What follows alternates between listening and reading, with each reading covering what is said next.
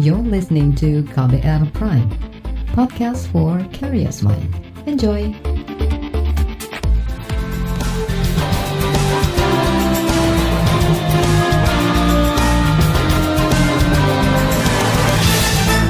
Halo saudara, senang sekali kami bisa menyapa Anda kembali dalam program KBR Sore untuk edisi hari ini, Senin 22 Juni 2020.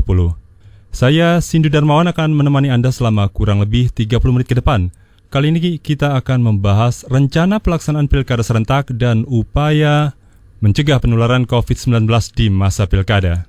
Saudara pemilihan umum kepala daerah pilkada serentak akan dilaksanakan 9 Desember mendatang. Namun di tengah pandemi COVID-19, harus ada persiapan khusus dan prosedur khusus. Tujuannya agar tempat pemungutan suara TPS yang biasanya dihadiri banyak orang tidak menjadi tempat baru penyebaran virus corona. Pekan lalu Komisi Pemilihan Umum KPU sudah mengeluarkan peraturan KPU atau PKPU tentang protokol pelaksanaan pilkada di tengah pandemi COVID-19. Selain menyusun protokol kesehatan, KPU juga menggandeng Badan Pengawas Pemilu Bawaslu untuk memastikan data pemilih akurat dan mutakhir. Bagaimana persiapan KPU dalam pelaksanaan Pilkada 2020 di tengah pandemi COVID-19? Jadi ada masker. Nah, masker ini kita desain dengan uh, logo, bukan logo, dengan tulisan tanggal hari pemungutan suara. Jadi sekaligus bagian dari sosialisasi. Uh, ini sebagian saja yang akan digunakan oleh kita. Jadi ada masker, ada face shield. Itu adalah contoh-contoh alat pelindung diri yang nanti akan digunakan di setiap tingkatan. Jadi kalau PPK dia melakukan apa itu menggunakan alat pelindung diri apa saja. Kemudian PPS, kemudian KPPS karena tidak seluruh uh, perlengkapan itu digunakan oleh seluruh penyelenggara pemilu. Misalnya baju hazmat, baju hazmat tidak perlu dipakai oleh uh, apa namanya KPU provinsi. Apa upaya KPU untuk memastikan data pemilih sudah mutakhir dan akurat. Dapat uh, catatan-catatan gitu ya dari Kementerian Kesehatan dan gugus tugas. Nah, jadi kebetulan Pak Karu Hukum ya Pak hadir di sini dalam beberapa kesempatan juga beliau ikut uh, apa namanya uh, diskusi virtual kita uh, baik saat pembahasan PKPU maupun beberapa diskusi lain. Nanti kalau ada yang kurang pas tidak sesuai standar, kami bisa diberi masukan juga Pak. Nanti kita akan perlihatkan kepada teman-teman media. Bapak Ibu sekalian, dua acara ini uh, penting bagi kita, terutama penyerahan uh, data pemilih pemula tambahan. Data pemilih itu menjadi core bisnisnya KPU, menjadi salah satu urusan pentingnya KPU, ya, selain proses pemungutan dan penghitungan suara. Maka ini harus menjadi perhatian kita bersama harus melibatkan semua pihak, termasuk pemilih. Karena nanti yang akan dimutakhirkan itu adalah data mereka, data pemilih mereka. Salah menulis nama, salah menulis alamat, mohon kami diberi masukan. Jadi kalau harusnya Anda masuk tapi belum masuk, mohon kami diberi catatan. KPU dan Bawaslu tentu akan berkoordinasi untuk menjamin ya, bahwa data pemilih yang kita susun itu update atau mutakhir ya akurat atau tepat jadi eh, pesan dari DKPP tadi juga jelas jadi susunlah data pemilih yang uh, mutakhir dan akurat Saudara itu tadi Ketua Komisi Pemilihan Umum KPU Arif Budiman. Di lain pihak, Badan Pengawas Pemilu Bawaslu mengingatkan KPU agar mewaspadai potensi pelanggaran pemilu yang memanfaatkan momen pandemi COVID-19 misalnya membagi-bagikan masker kepada para pemilih sebelum mencoblos di TPS. Seperti diingatkan anggota Bawaslu Muhammad Afifuddin. Pelaksanaan pilkada kali ini dilakukan dalam situasi yang tidak normal, dilakukan dalam situasi yang darurat. Kita sudah sepakat bahwa prasyarat pelaksanaan pilkada ini di antaranya adalah protokol kesehatan yang harus diterapkan, Protokol kesehatan akhirnya berkonsekuensi terhadap penyediaan alat pelindung diri. Alat pelindung diri harus disediakan berkonsekuensi terhadap penambahan anggaran dan itu sudah menjadi kesepakatan kita semua. Mari sama-sama kita pastikan nanti situasi di lapangannya dari sisi pengawasan. Bagaimana misalnya jajaran penyelenggara nanti di lapangan yang itu akan di apa diawasi oleh jajaran kami juga melakukan hal-hal yang sudah diatur dalam PKPU nanti. Apa-apa yang sudah termasuk dalam PKPU itu harus menjadi objek pengawasan kita, termasuk prasyarat petugas datang ke lapangan menggunakan katakanlah masker, pelindung wajah, sama sarung tangan, maka itu juga harus dipedomani oleh jajaran Anggota Bawaslu Muhammad Afifuddin menambahkan apabila ada sengketa dan persidangan terkait dugaan kecurangan pilkada maka bisa dilakukan secara langsung atau daring. Semua mekanisme itu untuk mencegah penyebaran COVID-19. Saudara selama pandemi calon kepala daerah tidak boleh mengumpulkan masa saat kampanye. Lantas bagaimana siasat bakal calon kepala daerah dalam menjaring pemilih di tengah pandemi COVID-19? Ceritanya kami hadirkan sesaat lagi tetaplah di KBR Sore. You're listening to KBR Pride, podcast for curious mind. Enjoy!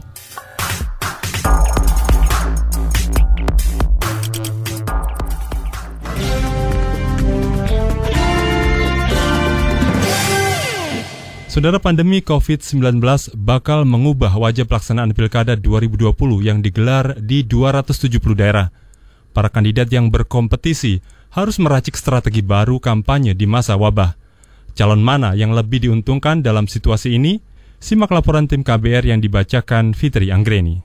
Rian Ernest, bakal calon wali kota Batam, Kepulauan Riau, bakal tetap belusukan untuk menjaring calon pemilih. Rian berencana maju lewat jalur independen atau non-parpol berpasangan dengan Yusiana Guru Singa pada pilkada Desember mendatang. Kampanye tetap muka masih menjadi prioritas Rian meski digelar di tengah pandemi. Selaku pendatang baru, Rian harus sering turun ke lapangan untuk mendongkrak elektabilitas dari sisi saya yang berpolitik tanpa pakai politik uang atau politik sembako ini menjadi lebih berat. Pada saat pandemi COVID ini kan setiap pertemuan yang kita lakukan itu memiliki resiko. Memang kita nggak bisa mundur, kita sudah maju, ya kita akan fight terus. Politikus Partai Solidaritas Indonesia PSI ini menyadari kondisi pandemi tak menguntungkan posisinya sebagai penantang. Saat belusukan ia wajib mematuhi protokol kesehatan seperti mengenakan masker. Praktis hal ini membuat wajahnya sulit dilihat dan dikenali oleh para calon pemilih pemilih. Meski begitu, Rian tetap percaya diri bakal merengkuh kemenangan di kota Batam.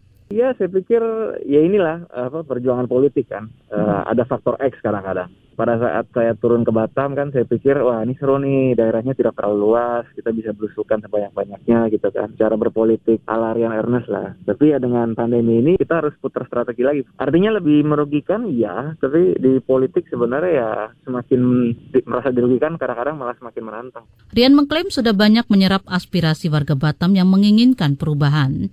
Dia yakin mampu memimpin dan meramu kebijakan yang tepat bagi kemajuan kota Yakin dong. Karena setiap kali saya turun ke Batam itu ada perasaan gemes gitu ya. Artinya potensi Batam ini luar biasa besar dan suara-suara dari masyarakat Batam yang inginkan perubahan itu selalu kita dengarkan. Baik dari pada saat belusukan langsung waktu itu atau pada saat sosial media saya. Banyak warga Batam merasa ini situasinya nih parah ini secara ekonomi. Padahal potensinya luar biasa. Jadi ada ada persoalan antara potensi sama dengan realita lapangan. Lain halnya dengan Rahayu Saraswati yang digadang-gadang bakal dicalonkan dalam pemilihan wali kota Tangerang Selatan. Keponakan Ketua Umum Partai Gerindra Prabowo Subianto ini bungkam ketika ditanya strategi kampanyenya. Pasalnya dia berstatus dicalonkan bukan mencalonkan diri. Ex anggota DPR ini masih menunggu keputusan resmi partai. Kalau misalkan saya yang diajukan kan pasti secara psikologis nggak mungkin saya yang ambil inisiatif untuk keliling, untuk istilahnya saya yang rapat-rapat sama orang, saya menunggu dulu amanah dan mandat dari pimpinan partai. Perubahan pola kampanye diperkirakan akan mewarnai pertarungan pilkada Desember mendatang. Direktur Eksekutif Parameter Politik Adi Prayitno menyebut peralihan metode tetap muka ke kampanye daring lewat media sosial merupakan keniscayaan.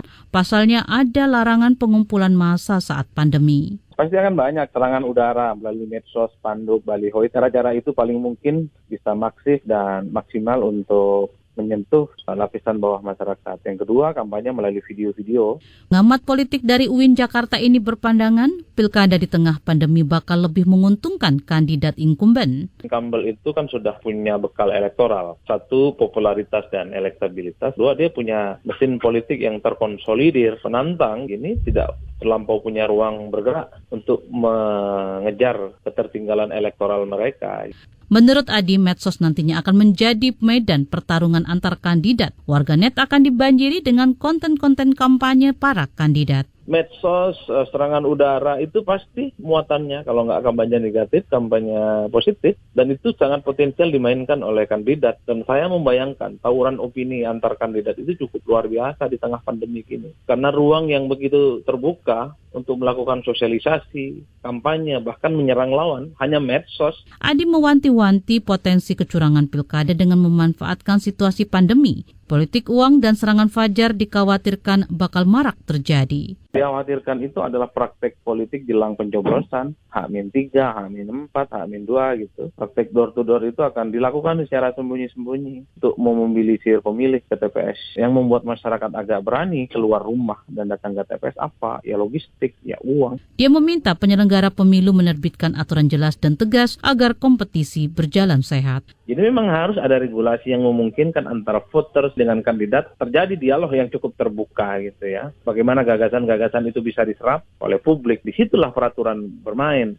Kan tantangan terbesar dari pilkada di tengah pandemi ini adalah penyelenggara di level bawah, Sanwascam, mereka lah yang bersinggungan secara langsung dengan voters untuk memantau adanya pertikaian, adanya tawuran opini yang sedang berkembang. Demikian laporan tim KBR, saya Fitri Anggreni.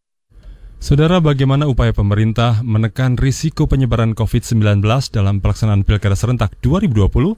Kita bahas nanti setelah jeda, tetaplah di KBR Sore.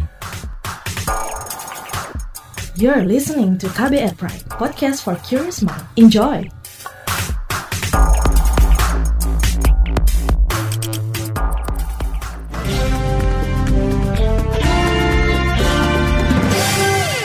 Terima kasih Anda masih bersama kami di KBR Sore. Saudara, Kementerian Dalam Negeri menyadari tingginya potensi penyebaran virus corona SARS-CoV-2 penyebab COVID-19 saat pelaksanaan pilkada serentak di akhir tahun ini. Sejumlah peringatan disampaikan pemerintah kepada penyelenggara, termasuk mengingatkan agar para petugas penyelenggara di pilkada di TPS maupun calon pemilih untuk mengenakan masker. Dirjen Administrasi Bina Wilayah Kementerian Dalam Negeri, Safrizal, juga mengingatkan penyelenggara pilkada di daerah-daerah yang masuk zona berbahaya atau zona merah. Berikut petikannya. Uh, pada level provinsi, daerah uh, yang menjalankan pilkada di dua provinsi yaitu yang berwarna kuning atau resikonya rendah itu ada dua provinsi di mana kuning ini dibaca dengan dibaca sebagai penyebarannya terkendali tetapi tetap ada kemungkinan transmisi lokal ya ini harus harus kita pahami. Oleh semua komponen uh, penyelenggara negara ya daerah uh, terhadap uh, membaca makna daripada warna-warna yang ada. Oke? Okay? kemudian empat provinsi pelaksana pilkada berada di warna orange atau oranye yang di mana kita membaca warna ini sebagai risiko tinggi penyebaran dan potensi virus tidak terkendali. Ya jadi harus dibaca sebagai ada risiko tinggi penyebaran dan potensi virus tidak terkendali. Kemudian ada tiga provinsi yang ber, yang berwarna merah. Ya ada tiga provinsi yang berwarna merah.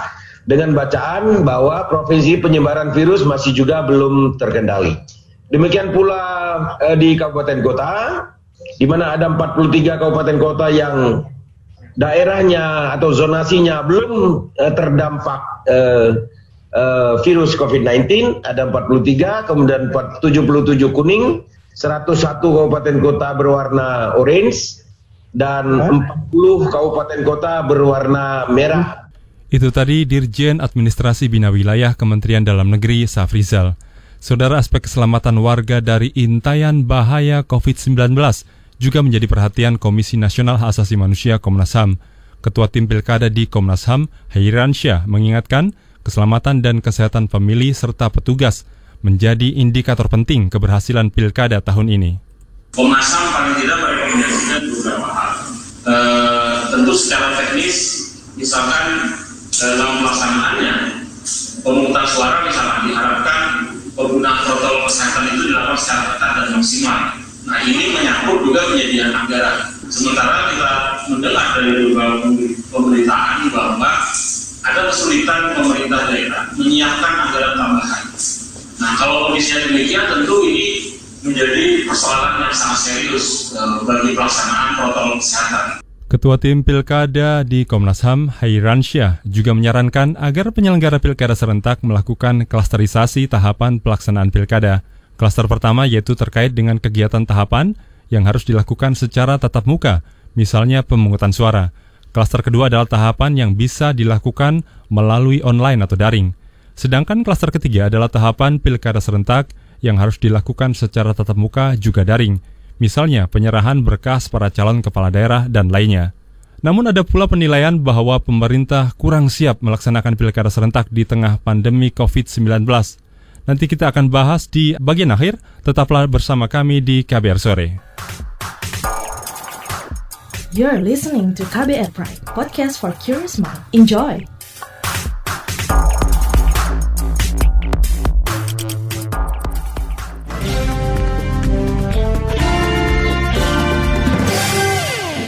Anda masih mendengarkan KBR Sore, Saudara meski pilkada serentak sudah dimundurkan jadwalnya dari September ke Desember, kesiapan pemerintah untuk melaksanakannya dianggap masih belum maksimal. Sejumlah parameter ketidaksiapan itu disampaikan oleh Direktur Eksekutif Perkumpulan untuk Pemilu dan Demokrasi Perludem, Titi Anggraini. Di antaranya keterlambatan pemerintah mencairkan anggaran pilkada serentak tahap pertama. Lalu apalagi indikasi ketidaksiapan pemerintah? Berikut ini wawancara jurnalis KBR Dwi Renjani dengan pengamat pemilu dan demokrasi Titi Anggraini. Terkait persiapan pilkada serentak yang rencananya tanpa e-voting ya Mbak ya dalam masa pandemi ini gitu. Menurut Mbak, siapkah kita menghadapi ini gitu untuk pilkada serentak? Setidaknya ada empat hal yang harus dipenuhi untuk memastikan bahwa pilkada serentak 2020 ini aman dan sehat begitu.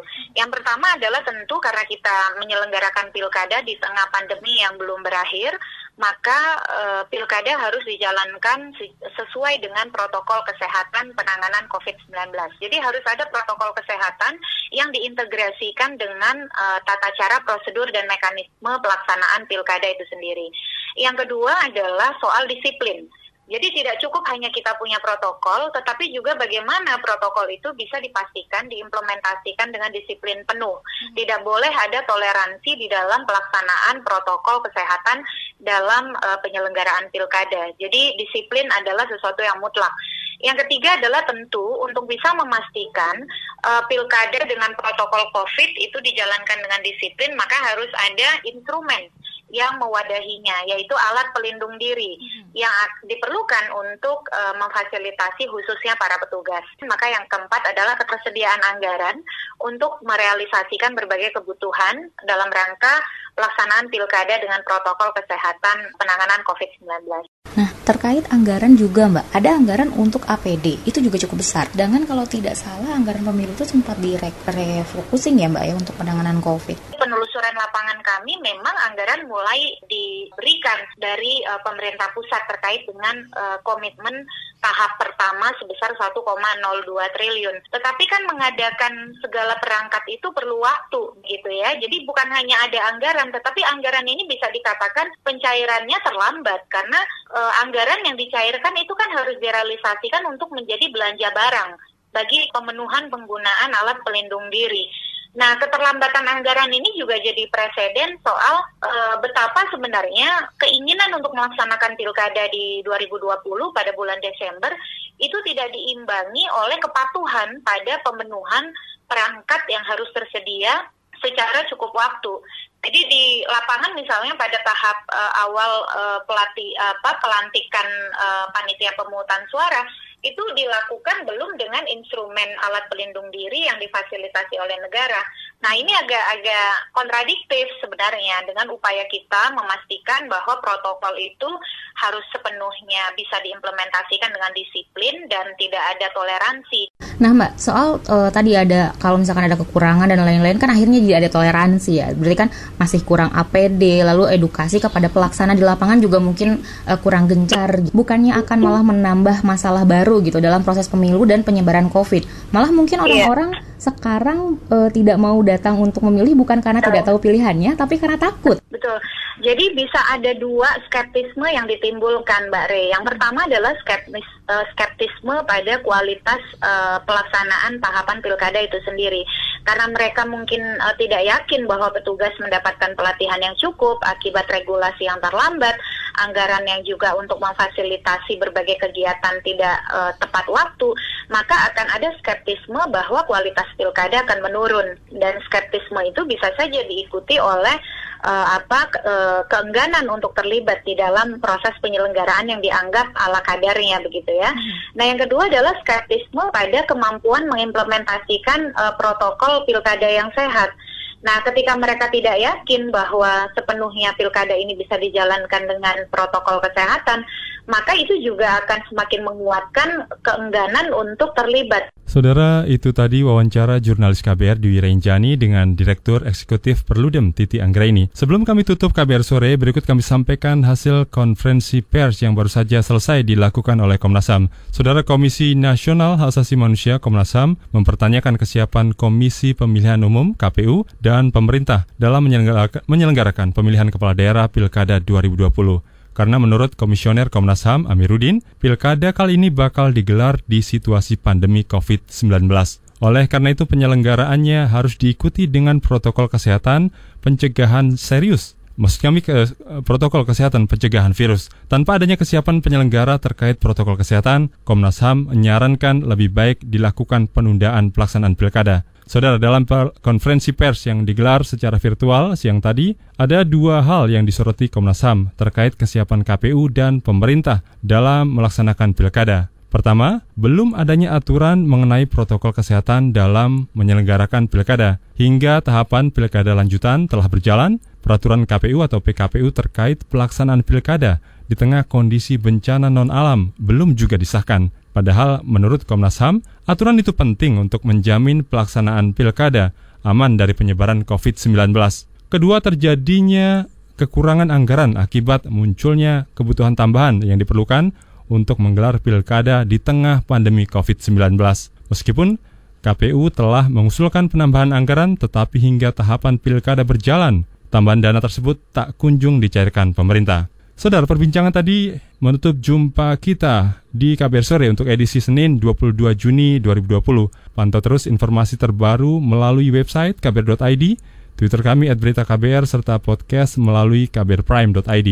Akhirnya saya Sindu Darmawan undur diri, salam.